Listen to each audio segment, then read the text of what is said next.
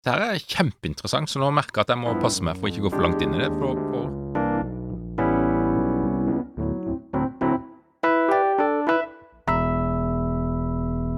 Velkommen til dagens episode av Egderøret. All verden, Andreas. Nå, nå er vi langt vekk hjemmefra. Altså, I løpet av en sesong så spiller man jo mye på hjemmebane. Eh, nå er det på tide å spille på bortebane òg. Ja, og, men vi er jo nesten hjemme. Vi er i hvert fall samme by som der vi holder til. Ja, det er ikke Det er tre steinkast unna kontoret. Ja, det er jo deilig. Og i dag så har vi fått med en gjest, men før vi introduserer uh, gjesten, så det er jo ikke sikkert alle vet hvem vi er. Hvem er du, Andreas? Eh, nok en gang så er det Andreas Haraldsen bak mikrofonen her. Og jeg heter Øyvind Brekkhus Handokker. Jeg uh, holder på med litt sånn utvikling i Egde. Men uh, i dag så skal vi snakke om noe helt annet. Vi skal tenke vi skal ha en episode som handler for det meste om Dette her er en podkast om ledelse. Og den stemmen er det noe som kan dra kjæresten på. Hva, hva, er dette for en karakter? Du, eh, mitt navn er Tor Åge Eikrappen, og jeg jobber som organisasjonspsykolog. Og vi er nå hos Execu i Markens. Er helt riktig. Nå er du i Kristiansand, i min lille crib her. Med, det er studio, det er kontor, og dette her er liksom hjernen i Execu. Det er helt riktig. Ja. Og veldig deilig klang, blant annet. Du har rigga for eh, ganske optimale forhold når det kommer til podkast, for du har jo en ganske grei podkast i, i podverden? Ja, det skal serveres hver eneste uke, og, og ja, jeg er stolt over å, å lage altså den mest hørte podkasten, den mest hørte ukentlige podkasten om ledelse. For det kommer av og til noen sånn sesongbaserte podkaster som skyter opp på listene, men, men jeg er liksom han som er der hele tida. Ja. Du er han jevne? Det er han jevne, ja. han med kontinuitet, han som ikke skuffer, han som ikke tar ferie de, de, er alltid de beste til å gå fjerde etappe Nei, unnskyld, tredje etappe i eh, stafett. På sånn. Ja, de, de som de, alltid jevnt leverer, uavhengig. Men de, Tredje etappe. Ja, helt enig. Jeg har jo hatt det på øret en mang en løpetur. Eh, veldig deilig sånn bakgrunnsmusikk, eh, nesten, når jeg er ute og løper. Og ofte så er det jo fredagsløpeturen når jeg liksom vet nesten hvilke svinger jeg skal ta og sånn. Hvor mye forberedelse gjør du til en podkast? Du, det som er gøy, er jo at jeg forbereder meg faktisk litt på den samme måten som du Altså den aktiviteten som du driver med nå. Så veldig mye av min forberedelse skjer på løpetur. Eh, så den mentale forberedelsen, den skjer kanskje på løpeturen sånn eh, dagen før det intervjuet jeg skal ha. Eh, nei, som regel litt før. Altså for mange gjester, spesielt de som er litt sånn noen, Mange gjester liker å ha litt spørsmål på forhånd og den slags. Men, men, så, så, det sender jeg gjerne på, på, forhånd, og da forbereder jeg meg litt. Men den rent sånn mentale forberedelsen, der jeg liksom prøver å finne hva kan bli det gøye, hva kan bli essensen her, det kan gjerne skje eh, samme dag. Eh, og ofte er det sånn at jeg kaster meg inn i studio her på kontoret her, f.eks. for eksempel etter en løpetur, da, litt sånn svett fremdeles, eh, ettersvette, og så kaster jeg meg inn fem minutter før det starter, og så bare putter jeg på alle de her knappene som, som skal til, og så, og så er vi i gang, da. Så jeg kommer ofte inn i intervjuet med litt puls. ja, det er deilig. Har du hørt på mange episoder, Andreas? Av uh, Lederpodden? Ja. Uh, jeg har hørt uh, to. Én for to uker siden, og én i dag. Ja. Hva sitter du igjen med når du har hørt uh, Lederpodden? Sitter du igjen med mange spørsmål, eller føler du blir opplært, eller hva? Litt begge deler. Var, jeg tok meg nesten i, i, bilen på vei hit i stad og rekke opp hånda for å få lov å spørre om spørsmål, for jeg var jo uenig. Eh, men uh, Så det, litt uenigheter er det. Ja. Litt spørsmål er det. Um, så er det jo veldig mye Noe er veldig ovenpå. Uh, veldig høynivå, mens andre ting er jo dratt mye mer ned på bakken, om du kan si det sånn. Og jeg er mer komfortabel her nede, da, enn her oppe. Ja, for vi Det letteste for oss er å snakke om der vi jobber, Egde. For vi føler jo vi er litt sånn uh, annerledes enn de andre. For når vi snakker om Egde og sånn, så er det mange som spør sånn Hæ? Du, er det bare én leder i selskapet? For Vi liker jo, Andreas, å si at vi har en flat uh, struktur. Ja. Uh, flat struktur uh, er noe som kanskje skiller Vi liker å si at vi skiller oss ut på. Ja. Eh, At vi har eh, coacher Ja. istedenfor ledere. Altså, det er jo et argument for den plassstrukturen, selvsagt, men Hva med den profesjonelle hatten på, Tor Åge? Hva tenker du når du hører Gjøran, da, som vi bikker akkurat 100 ansatte? Han er den som har personalansvar for alle. Vi har ingen struktur, sånn ledelse, sånn at du har noen folk under deg. Vi har noen team sånn, som jobber med noen produkter og noe sånt, men eh, sånn, eh, hva, hva tenker du da, når du hører sånne, sånne greier? Nei, det kan være eh, en fantastisk modell som du egentlig du ikke burde ha snakka mer om. Jeg burde ha hørt mer om det. Hvorfor vet jeg ikke dette her? For Jeg bruker ofte eh, Burtsorg i, i Nederland som en, som en case. De har 4000-5000 ansatte og har rigga seg på en litt lignende måte. Eh, så det, det finnes jo Altså, jeg blir jo veldig nysgjerrig, først og fremst. Eh, er dette her er Egde eksempel på en velfungerende, ekte, helt sånn rå, agil eh, kultur? Det er tanke nummer én. Jeg blir kjempenysgjerrig på å få vite mer om hvordan dette her egentlig funker. Tanke nummer to er jo mer sånn klassisk min erfaring med å jobbe med organisasjoner i vekst. Eh, Så er min, min førstehåndserfaring når jeg jobber tett på de, det er at eh, de trenger struktur av to årsaker. Eh, En trenger struktur for å være i stand til å se alle de ansatte på en god måte og følge de opp på en god måte. Det er en del, og den andre delen er at hvis, hvis prosesser og beslutningsprosesser og, og alt det som skjer i en organisasjon skal gjøre det så smidig og lett som mulig, så trenger du av og til å sette noe i systemet og definere noen strukturer, noen strategier, noe som er fast, noe som er relativt forutsigbart. Kan, kan kalle det for et sånn felles, en felles mentalt kart over hvordan virker denne organisasjonen. Så jeg er jo kjempespent på om denne eh, ene daglige lederen er en flaskehals, om han er en kontrollfrik, og i hvilken grad ansatte i Egde føler at de blir tilstrekkelig fulgt opp i det daglige arbeidet sitt. Og så vil jeg jo anta at det er veldig mye flinke folk som kanskje rent faglig sett ikke trenger så mye oppfølging, de er selvstendige, de kan greiene sine. Og så er det mer den der, mm, psykososiale delen av oppfølginga, altså det å føle at det er noen som bryr seg om det, det er noen som ser det, det er noen som passer litt på det, eh, selv om du er en råflink konsulent med utdannelse til langt eh, over ørene. Så jeg, jeg, når du kan si det, så må jeg i hvert fall definere at det er kontroversielt. Altså det å, å bikke 100 ansatte og ha kun én leder med formelt personalansvar. Jeg vil ofte tenke at det er eh, Der vil det dukke opp noen problemer, det pleier det å gjøre, men, men eh, det kan jo ikke jeg si basert på min lille kjennskap til dykken, så jeg blir først og fremst veldig nysgjerrig. For det er jo det vi Vi tenker jo at vi er unike, Andreas, men eh, Så det jeg da hører, er at vi faktisk er det. Hører du òg det, Andreas? det er i hvert fall ordene som ble sagt, og så synes jeg også at du satte litt på spissen i utgangspunktet. Eh, ja, vi har en daglig leder som har ansvar for alle, eh, men så er jo vi en var, i utgangspunktet i hvert fall, en konsulentbedrift som 100 hele tiden leide ut mennesker, timer. Eh, og der så har jo vi i den delen så har vi jo noe som vi kaller bemanningsleder, altså ansvar for den enkelte, om trives der, om hva er rett oppdrag for den og den og den. Dette er jo da fra starten tidligere. Eh, så har vi jo grodd, eh, som veldig mange gjør, eh, til å også bli en litt produktretta organisasjon. Eh, vi ønsker i hvert fall å selge produkter. Eh, og for å gjøre det, så har vi jo egne utviklingsteam, interne, eh, og de har jo også en leder, om du vil bruke det ordet, som har ansvar for leveransene de gjør. Så ja, sett veldig enkelt på det, så har vi én leder, daglig leder, men går du ned på en ansatte, så er det ikke nødvendigvis at den personen hadde sagt det, da. Nei. Men uh, det vi bruker mye tid på Altså, vi har en coachordning i Egde, uh, og det som man ti, eller kanskje i andre virksomheter vil finne igjen som en sånn type mellomleder eller sånn, blir på en måte satt ut litt der. Mm. Men i tillegg da, så er det jo en sånn coachordning, så vi vil jo gjerne få den ansatte sjøl til å forstå hva som er det riktige. Mm.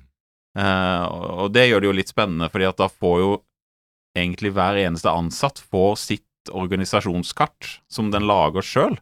ut ifra hvilke oppdrag man har da, som en konsulent, eller om man jobber internt. Så det Jeg tror jo at uh, det er en morsom greie å, å være inne i, merker jeg. Og det er veldig spennende å jobbe, jobbe i Egde på den måten. Og spesielt når jeg hører at det er litt sånn Det kan være unikt, da, men kommer jo litt an på hvordan vi har implementert det. Ja. Ja, og det er jo, og det er jo liksom spørsmål jeg, jobber med en del gründere, og der vi av og til må ha en ganske lang prosess for å, for å komme løs fra noen forestillinger. da, og Den klassiske er jo at um, mange selskaper, de, de, spesielt hvis de er litt altså, de har et ønske om å være raske, de har et ønske om å snu seg raskt, de har et ønske om å for alt i verden ikke bli byråkratiske. Altså Det er det verste de vet. De har en allergi mot byråkrati. Og det er jo sunt, da. ikke sant? Altså Du vil være en speedbåt som kan snu deg lett, som kan tilpasse deg endringer i markedet i samfunnet på en kjapp og flott måte. Og det du eh, aller helst i verden aldri vil bli, det er et tankskip som bruker veldig lang tid på, på å snu deg. Um, og så er det jo det en må stille seg spørsmål om, det er jo da finnes det noen middelvei her som er interessant? Uh, hva er konsekvensene av det ene eller det andre? Og, og, og det er veldig gøy å, å, utforske. Og jeg må si i min reise da med gründerselskapet, som jeg av og til følger ganske tett i en viss fase, så, så jo, ender jo de fleste opp til slutt med, med, å distribuere makten og skape noen strukturer, for det gjør det lettere å vokse. Eh, ikke dermed sagt at de skal bli byråkratiske, men de kan kanskje ta noe fra de her dinosaurene som fungerer bra, og så må de beholde noe av sitt særpreg. Så spørsmålet er jo, hvis dykken skal nå deres mål, da, hva nå enn det måtte være, er det aller viktigste for å nå det målet, er det å ha en enormt flat struktur? Er det det viktigste virkemidlet? Er det der dere skal skille dere ut? Det mest spesielle med vårt selskap, det er at vi har flat struktur. Yes! Da har vi iallfall noe som er unikt. Eh, spørsmålet en kan stille seg, er jo er det andre ting med kulturen som òg kan være viktig å fremheve, eller er det dette her prinsippet som vi skal holde beinhardt på uansett? Eh, for det er det vi er, liksom, det er den historien vi får talt opp igjennom. Så det er mange interessante greier. Hvordan eh, passer det inn i at Egde er jo lagd i, på Sørlandet. Altså, mm. vi var et eh, Eller de var noe annet, en del av Devo-team, og så kjøpte de seg ut eh, for snart seks år siden, eller noe sånt. 2016. Og hva Hvordan Sånn i en lang periode så var det liksom Sørlandet, og en av tinga med Egde er at vi skal bygge Sørlandet. Altså, vi skal gjøre Sørlandet bedre. Ikke nødvendigvis oss, men vi skal liksom tiltrekke folk til Sørlandet. Hva kan uh, Vet ikke helt spørsmålet, men hva kan liksom ligge inn under Hva kan, hva kan Sørlandet bringe som er litt sånn unikt uh, knytta til en sånn type struktur som vi prøver å lage nå, da? Kan det hjelpe litt at vi er litt på utsida av Oslo-gryta, liksom? Altså, eh, For det første, da, bare for å skryte litt av det, jeg kjenner dere jo bare fra utsida. Jeg har aldri hatt noen sånn direkte interaksjon med, med selskapet deres, og for meg er det jo bare imponerende den veksten og det de kunne få til, og det at de kunne lage kontorer andre steder i landet. Og, og, og, det er jo det, egentlig, selv om jeg har en mistanke om at kanskje at det finnes noe potensial for å gjøre ting enda bedre når det kommer til struktur, så, så, uh, så syns jeg jo det er kult at du kunne til en tydelig tilnærming til hvordan skal vi rigge oss hva mener vi er best? Hva slags kultur ønsker vi? Jo, den skal være flat. Uh, det det syns jeg jo er kult. Altså Bare det at den er bevisst på det. For, for, mange så er det jo litt sånn, det er ikke den delen av virksomheten du jobber mest med, eller der du er tydeligst. Og i hvert fall ikke på Sørlandet. Der er det veldig få selskaper som er markante når det kommer til det, og som òg er en viss størrelse. Så det er jo uansett kult. Så er jo min tanke at uh, hvis et ønske er vekst, og det mener jeg det ofte bør være, så er jo Sørlandet særdeles begrensa. For det er veldig få store virksomheter der nede som kan da f.eks. kjøpe konsulenttime i, i stort monn. Eh, så det er jo et tak her. Vi kan telle på to hender, tror jeg, og mange virksomheter her er det som har mer enn 1000 ansatte. Er det, er det noen i det hele tatt som har det? mm. det, det, er en markedsbegrensning her, da, og det er jo og det er litt sånn med Sørlandet. Jeg er veldig glad i, i Sørlandet. Kommer fra Vennesla, bor i Kristiansand, har røttene mine oppe i Åseral. Eh, og så ser jeg jo det at um, næringslivet her, det, det, det, er en del ting som fungerer litt annerledes, og, og begrensninga vår er demografi, først og fremst. Det er for lite folk her. Det betyr at du kan gjøre et fantastisk kul jobb, du kan skape et utested, et spisested, en bar som bare er så fet og unik som den bare vil, og du gjør alt riktig! Allikevel så vil du mislykkes. Det er for lite folk.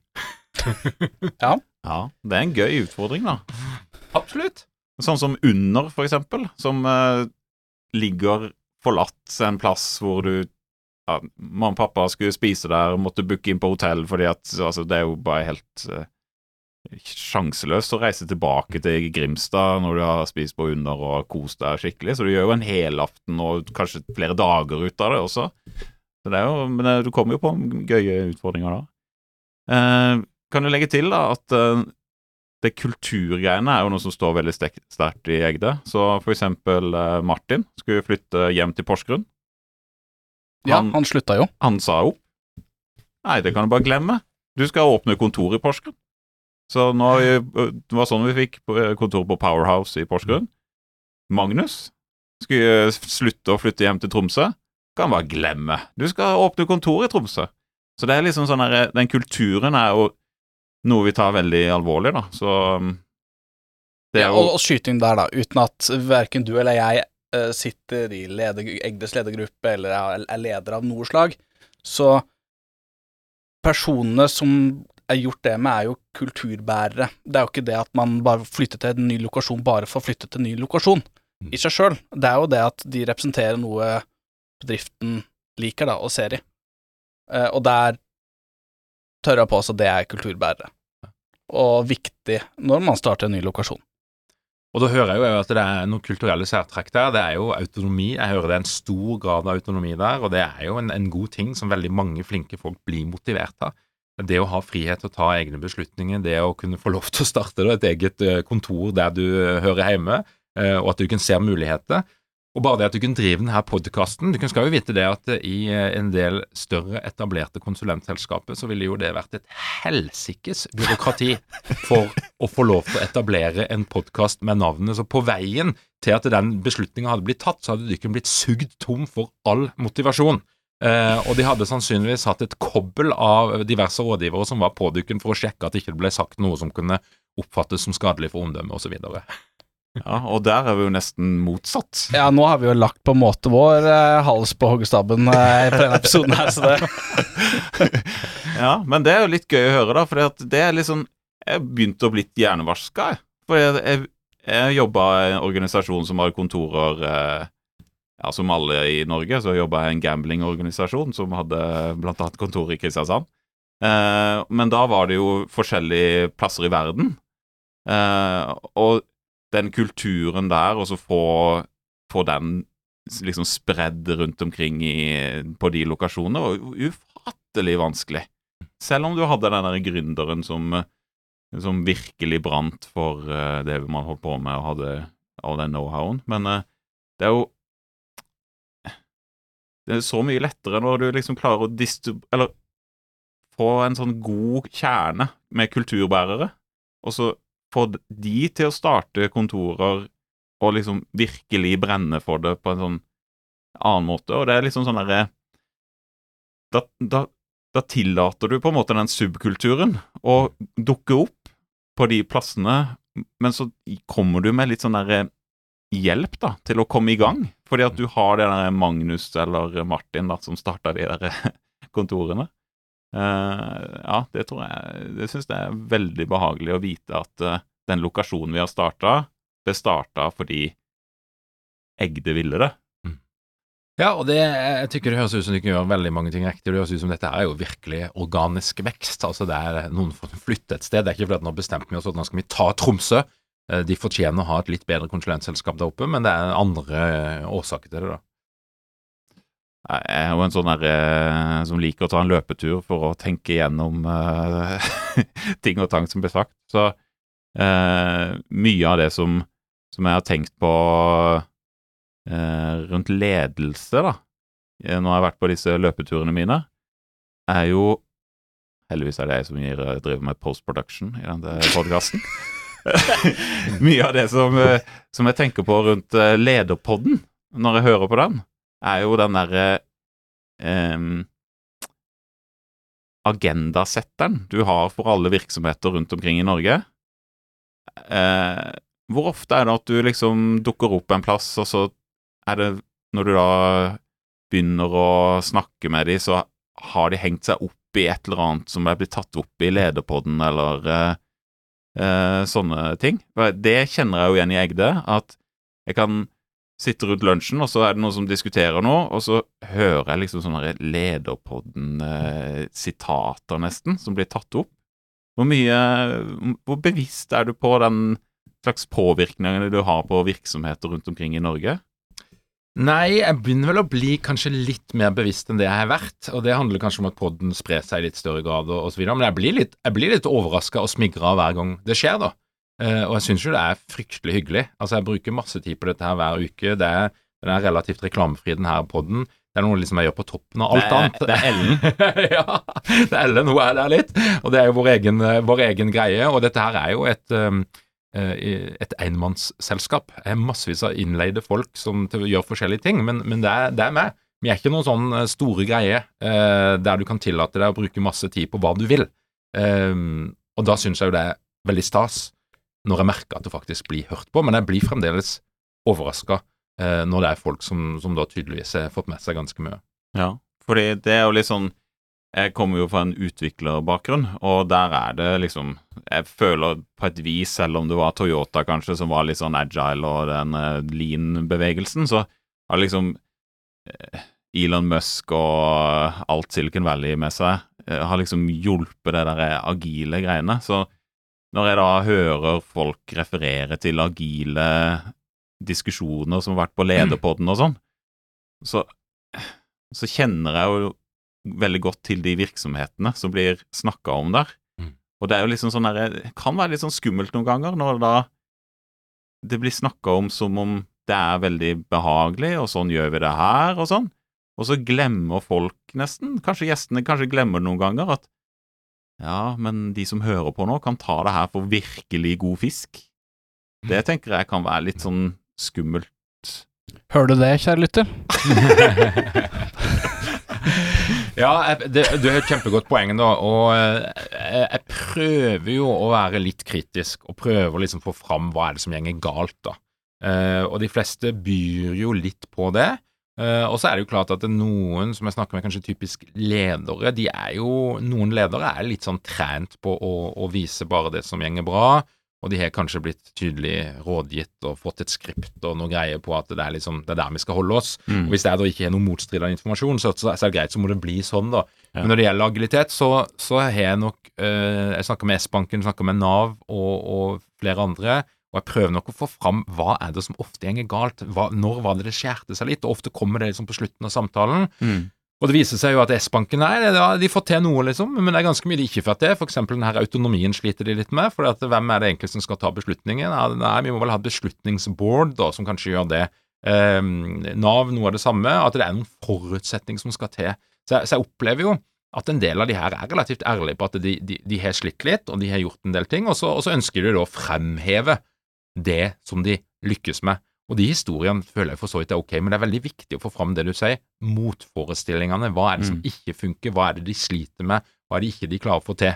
Og der er det jo min jobb egentlig å prøve å få dytta fram de tingene der, mm. og um, gjør nok det med litt sånn varierende hell, da. For det er det jeg kjenner igjen i, i Egde, er jo på en måte den du snakka om eh, agilitet og liksom autonome team og sånn. Da begynner jeg med en gang å falle ned i et sånn kryptohull. Mm. Hvor det er en sånn konsensusalgoritme, liksom. Hvor du liksom danner konsensus. Og du har eh, også, som alle utviklere her på denne jord, tatt det som funker i programmeringsverden, tatt det ut, og så implementert det som en organisasjon. Så den konsensusalgoritmegreiene har jo blitt til da en DAO, Decentralized Autonomous Organization, som skal lage sin egen konsensus, ikke i programmeringsverden, men en, eh, men en organisasjon da, hvor du egentlig ikke kjenner noen andre, men du har en valuta da, i form av krypto til å gjøre dette. Jeg har prøvd å pitche for Egde at vi skulle gjøre noe sånt, men eh, det, det, det tror jeg må drøye et par år før jeg kan gå videre med. men, eh, Modnes vært, litt. men det hadde vært gøy å lykkes med. Men hvis jeg, hvis jeg hører deg riktig, da, bare sånn mellom linjene, så hører jeg jo et eller annet med faren med hvis alle er enige om et eller annet. Hvis alle går rundt og nikker veldig at nå er det agilitet som er greia, og det er sånn er det, og det er bare gøy og bare positivt, og heia agilitet, eh, så blir det jo veldig kjedelig. Så, så er, altså, diskusjonene, eh, motargumentet eh, på den andre sida er jo veldig herlig å få fram. Og jeg føler jo at hvis vi eksempel ser LinkedIn i dag, da, som er et sted jeg tilbringer litt tid, og, og øh, føler er et godt sted og et veldig hyggelig sted å være. Eh, men det er jo en, en konsensus der som blir litt kvalm i lengden. Ikke sant? Når alle skal drive med psykologisk trygghet, og alle skal snakke om agilitet, og det er liksom uansett hvor byråkratisk og dinosauraktig virksomheten din er, så kalmer det agilt. Eh, og det er det jo gøy å rispe litt opp i av og til, men jeg må passe meg for ikke å bli for mye av, av den klubben der, da. Ja, for det, det, er, det er det jeg har likt med lederpodden i begynnelsen, eh, på mine løpeturer eh, rundt omkring i, på Sørlandet, at eh, det var et sånn friskt pust. Det var masse gode ideer, og som er da Bak her hos deg ligger det tonnevis med litteratur, sikkert enda mer hjemme hos deg, og enda mer på en eller annen Kindle eller eh, en eller annen tjeneste. Eh, som er, Jeg liker liksom å, å få de ideene. Men sånn som agilitet da, og liksom alle de der tinga man stjeler fra utviklerverden, og det er så mye mer enn det lille dryppet man får. Så jeg vil jo sterkt oppfordre folk som hører på podkasten din, til å bruke det som Ja, hva kan jeg ta et dypdykk i? Fordi at det er så det, Ledelse er jo sitt eget fag, som du Du skraper jo bare i overflaten. Hvor, eh, hvor mange av Ja, er det mange Du sier gründere, for eksempel. Hvor alvorlig tar de ledelse, syns du? Er det ofte at du kommer der med liksom eh, ambulanse Som en ambulansetjeneste, eller er det bare litt coaching, og så er de på rett vei, eller hvordan er liksom de derre gründerne som har mest fokus på vekst og oppkjøp, eller et eller annet sånt? Hvordan, Ja, nei, er de? de er, de er jo veldig forskjellige, men eh, det som kjennetegner de fleste gründere som jeg omgås, det er jo at de er ikke, det er ikke den delen de er interessert i. Det er ikke derfor de holder på med det de holder på med. De har en lidenskap til produktet de holder på med, de har en lidenskap kanskje til vekster, som, noen, eh, som mange har, og det, det er der de putter det ned. da. Og så hender det jo at noen da kommer til et punkt der en del ting begynner å bli litt vanskelig, eh, og de spør seg sjøl Ok, vi er klart å vokse opp til x antall millioner i, i omsetning, et par hundre millioner kanskje. Eh, eh, er det den samme oppskriften som skal ta oss til en milliard, eller trengs det noe annet? Og når den følelsen blir sterk nok, og du famler nok og føler at dette her finner vi ikke helt ut av, da hender det at det er færre en telefon. Eh, men da er det ikke snakk om noe coaching. Da er det snakk om å sette seg ned og ha en prosess som går over ganske lang tid, fordi at eh, en del av de gründerne må snu litt på måten de tenker på rundt noen ting, og endring av oppfattelse og måte å tenke og jobbe på, det krever tid. Så det er ikke noe quick fix. Det er ingenting av det jeg driver med som er quick fix, og derfor så er jo podkasten er jo på en måte en smakebit på det jeg holder på med, men når jeg virkelig jobber med selskapet, så er jeg inne og jobber med det ganske tett over lang tid. Eh, og det er da du virkelig gjør en endring. Så Mm. når jeg driver, og, og, altså, driver med podkast eller holder et foredrag, en workshop, det er greit nok, det, men hvis du skal endre en organisasjons måte å fungere på, så krever det noe litt mer, da. Ja. Hvor, eh, hvor mange deler uh, Må jeg innrømme, jeg har ikke kjøpt noen tjenester av deg. Men, uh, hvor, uh, men jeg har gått med sånne der lederkurs og sånt i mitt tidligere yrke. Hvor, hvor mange Hva slags type folk er det som eh, tar lederprogrammet, eksempel, eller hva er det de forventer å få ut av sånne type ting? Ja, gøy at du spør. Nei, de som eh, de som, det er jo forskjell på våre åpne programmer og våre bedriftsinterne programmer. Der er inngangen ofte litt annerledes, men, men våre åpne programmer så er det jo ledere som, som vil noe. Altså, de er, de er lærelystne, de er motiverte, de er eh, de, har, skjønt at, at eh, jeg trenger noen verktøy, da. Og vi må huske det at for de aller fleste ledere så er inngangen at du er kanskje veldig flink til et eller annet, som for din del å programmere, eller hva det nå måtte være, som du gjør bra, og så blir du løfta opp til eh, inkompetanse. Ja, den er skummel. Åh, jeg elsker å være ubevisst. og det, øh, altså at du er kjempefaglig flink, øh, og det er bra, men så oppdager du plutselig at dette her handler om menneske. Shit. Du kan tegne så mye fine ting du vil i Excel, og du kan holde på med alt dette her, men det handler om folk. Eh, og det er der jeg kom inn. Eh, og de lederne som, som jeg jobber med, har jo da kommet til den erkjennelsen at eh, dette her syns jeg er litt krevende, eller jeg har lyst til å bli vanvittig god på det. Så jeg har nå en deltaker fra, fra Dr. Drop-In, eksempel, som, som da er veldig teknologisk, og, og eh, han, han er, jeg har lov til å snakke om han, Martin. Han er CTO i Dr. Drop-In, og han er veldig glad i å lære. Og han er veldig glad i å lære det han holder på med, godt. Så når han programmerer, så, så vil han være en skikkelig god programmerer. Og han bruker masse tid på å sette seg inn i ting og bli en dyktig programmerer, det har han gjort i mange år. Men nå har han blitt leder. Og da skjønner han at ja, men steike, de skillsene der, det er jo noe helt annet. Og det, og det, det er ikke prosjektledelse og økonomisk analyse og de greiene der, men jeg, jeg, jeg, jeg vil vite mer om folk, det å lede folk, det å få folk med seg, det å skape endring. Um, og så melder han seg på lederprogrammet, for det gir han en mulighet til å gjøre det på en ganske hybrid og, og, og fin måte, som, som gjør at du fremdeles kan skjøtte jobben din og den fulle kalenderen din. Um, så det er en type, men, men jeg opplever jo at det er jo, det er jo det som er gøy med å jobbe med dette her. Jeg blir jo kjent med vanvittig flinke, flotte mennesker som jeg får en relasjon til, for vi jobber ofte over ganske lang tid. Um, og det er flinke folk som bare har erkjent at dette her vil jeg vite enda mer om, og jeg har lyst til å bli enda bedre. Det kjipeste som finnes, det er jo ledere som sier at nei, men dette vet jeg nok om, for det er jo bakgrunn fra Forsvaret, som du vet. Ja. Ja, det er jo bakgrunn fra Forsvaret. Det er universalkortet, det. Da vet du alt, da. Ja, det er vanvittig mange dårlige ledere med bakgrunn fra Forsvaret, skal jeg love deg. Eh, eh, men hvis du liksom stagnerer, da, du er ikke sulten lenger, du har ikke noe mer å lære. Nei, jeg kan alt det. Eh, det er jo et, en trist leder å ha. Veldig enig. Det var egentlig svaret jeg ville ha. Jeg var kjempeenig. Og jeg kjenner meg veldig Var det Martin fra Dr. Droppen? Ja. Kjenner meg igjen. Sykt god til å programmere.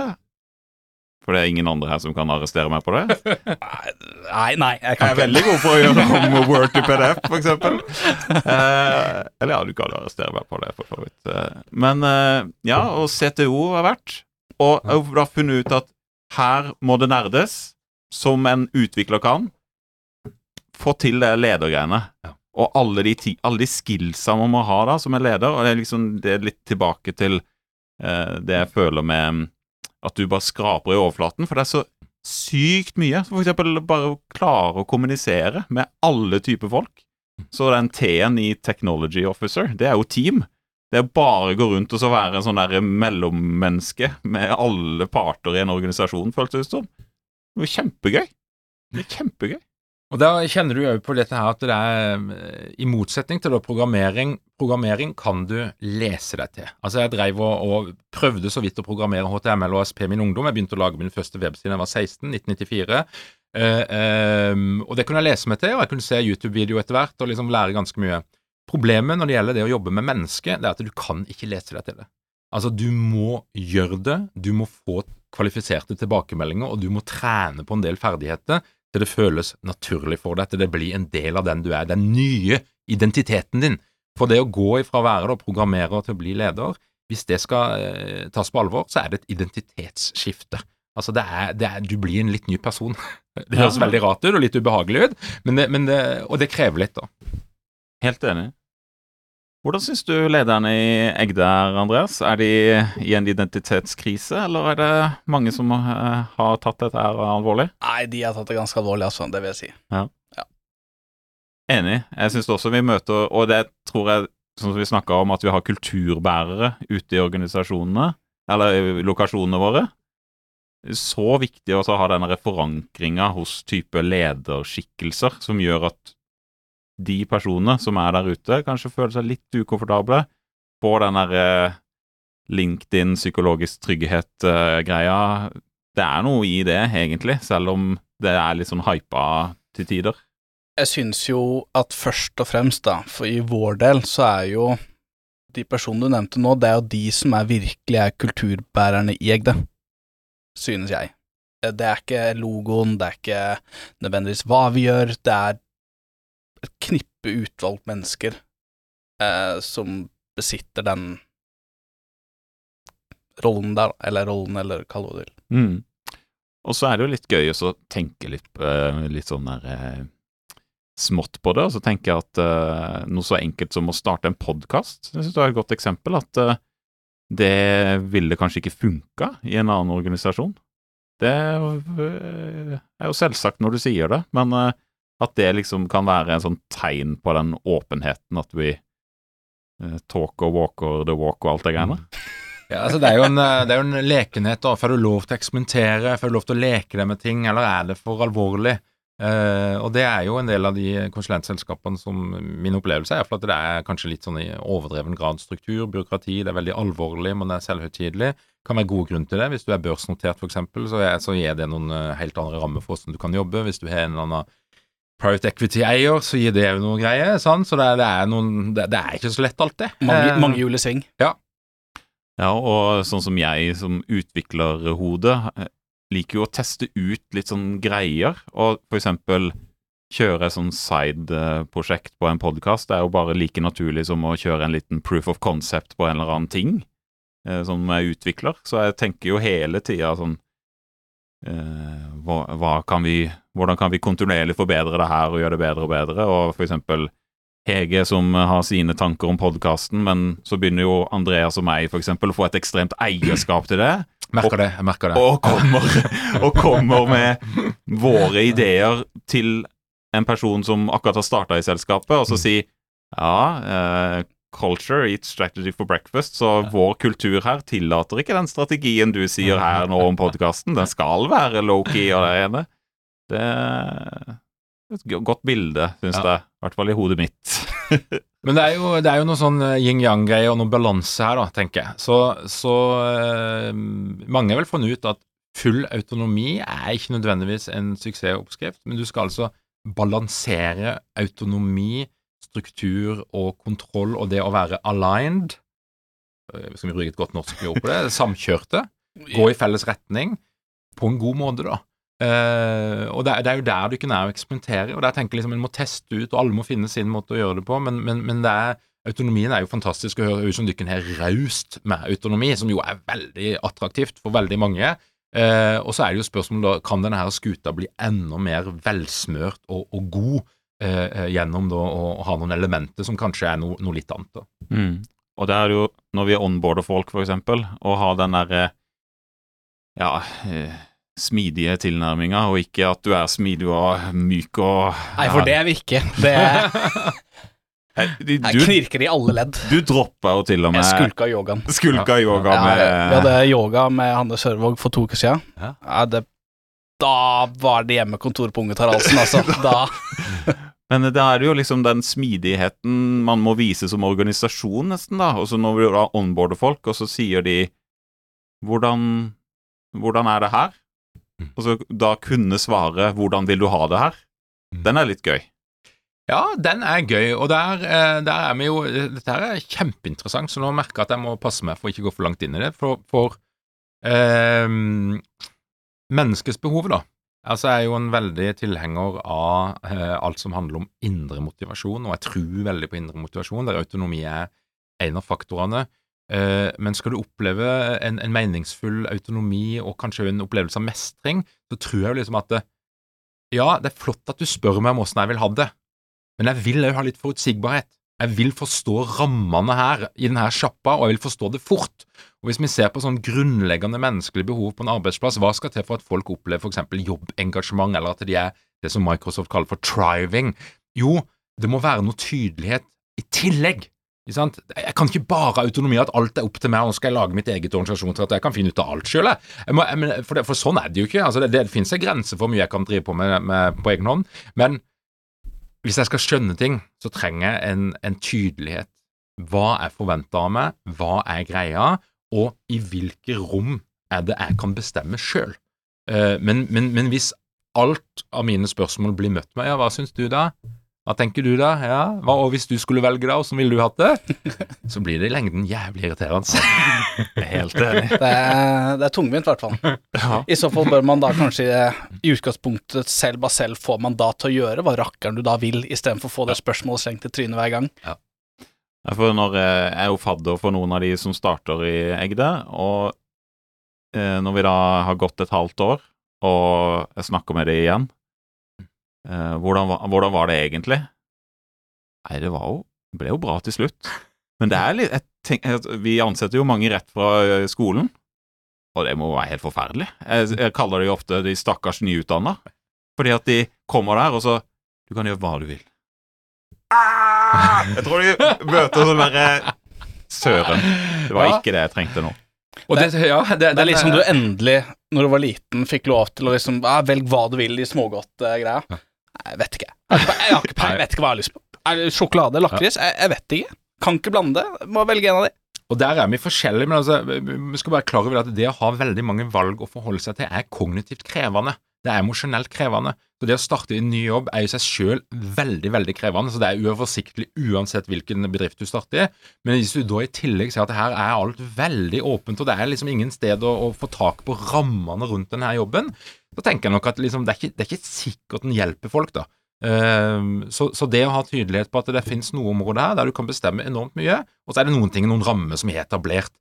Hvis jeg skal bare tenke på hjernen vår, åssen den funker, så fungerer hjernen optimalt i, omgivelse der det er visse etablerte rammer.